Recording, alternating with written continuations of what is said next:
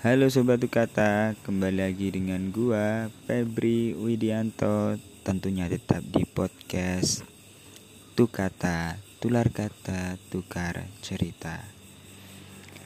Kita ketemu di akhir tahun 2022 Tepatnya di bulan Desember. Nah, kali ini Aku bakalan bahas sebuah buku mungkin ini buku terakhir ya di tahun ini yang aku buat atau aku bikin recordnya untuk podcast itu kata. Tujuannya untuk menutup tahun 2022 dengan indah. Pasti penasaran kan buku apa yang bakal aku bahas? Buku ini sangat reflektif sekali buat sobat tukata yang sedang berjuang yang sedang struggle terhadap mimpi-mimpinya, tujuannya, cita-citanya untuk hal-hal positif. Yang pasti tetap stay di channel Tukata. Kita intro terlebih dahulu. Oke, sobat Tukata. Itu tadi intro singkat dari podcast ini di tahun ini. Nah, Aku bakalan bahas buku dengan judul Maaf Tuhan, Aku Hampir Menyerah. Karya dari Alfial Ghozi. Buku ini sangat menarik karena secara garis besar aku sampaikan secara garis besar buku ini menyampaikan tentang bagaimana seharusnya kita itu sadar kita masih punya Tuhan di mana pun kita berpijak, di mana pun kita melangkah, di saat apa pun kita sedang berjuang. Namun kadang kita lupa, kadang kita tidak sadar harus ke mana kita mengeluh, harus ke mana kita kembali untuk meminta. Di bagian belakang buku ini sudah dirangkum sebenarnya apa yang ada dalam bukunya Beberapa kalimatnya tertulis seperti ini. Tidak semua hal akan berjalan sesuai keinginanmu. Pada satu waktu, impianmu akan dipukul mundur, harapanmu terpatahkan, dan langkahmu dihentikan paksa. Dunia yang luas terasa begitu menyesakkan, ramai tapi sepi. Ingin terus melangkah, takut terjatuh, ingin putar balik, sudah tak mungkin tertempuh. Ingin menyerah, tetap saja tidak akan pernah menyelesaikan masalah. Setiap pilihan nyaris tak mampu kamu tanggung konsekuensinya. Maaf Tuhan, aku hampir menyerah. Akan menemanimu untuk terus melangkah maju. Menerabas segala keterbatasan, menikmati segala kekecewaan, melewati dunia yang penuh dengan kefanaan, menuju satu tempat bernama keabadian. Untukmu, jiwa-jiwa kecil yang sedang mendamba bahagia, kebahagiaan sesungguhnya. Selamat nikmati. Pesan singkat dari Kak Alfial tentang buku ini ya. Bahwasannya perjuangan kita harusnya dilandasi dengan ketakwaan, keteduhan terhadap iman kepada Tuhan yang Maha Esa. Banyak hal yang dibahas di buku ini.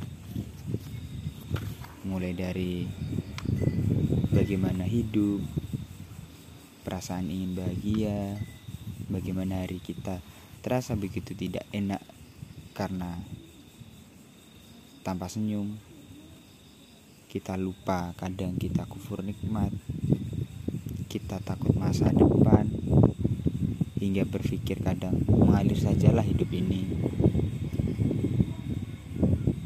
Kemudian kita juga lupa bahwasannya orang-orang sukses itu punya behind the scene-nya sendiri loh. Dan bagaimana hal yang paling berharga yaitu waktu itu bekerja Kadang kita pura-pura bertakwa untuk bersandiwara agar dilihat baik. oleh orang lain.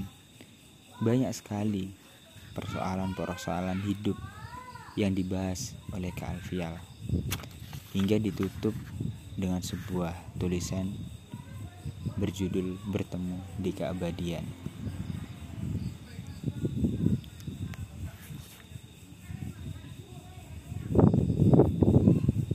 Harus sadar bahwasannya kita adalah seorang pengembara waktu yang seharusnya bisa bertahan hingga sampai di tujuan akhir keabadian yaitu akhirat. Entahlah nanti urusan surga atau neraka biar Tuhan yang menghakimi. Yang pasti kita harus tahu ketika kita lelah, kita capek ataupun ketika kita melakukan aktivitas sesuatu harus dilandasi dengan keikhlasan atau dilandasi dengan alasan-alasan baik yang semuanya berujung ataupun berpangkal pangkalnya itu adalah karena Tuhan.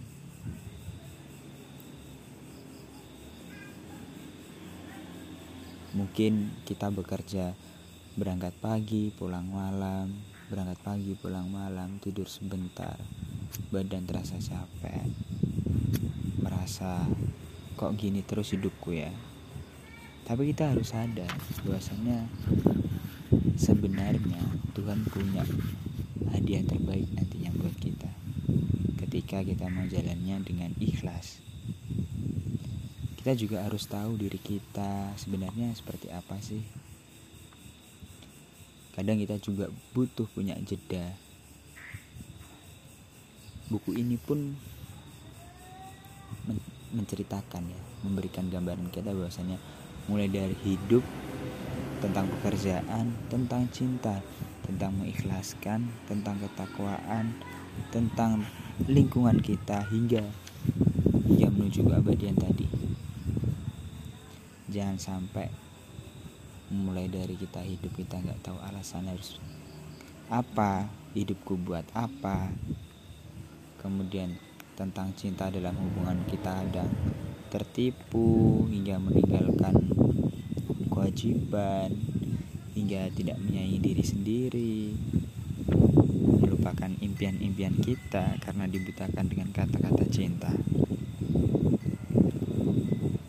Kadang jika kita merasa gelisah.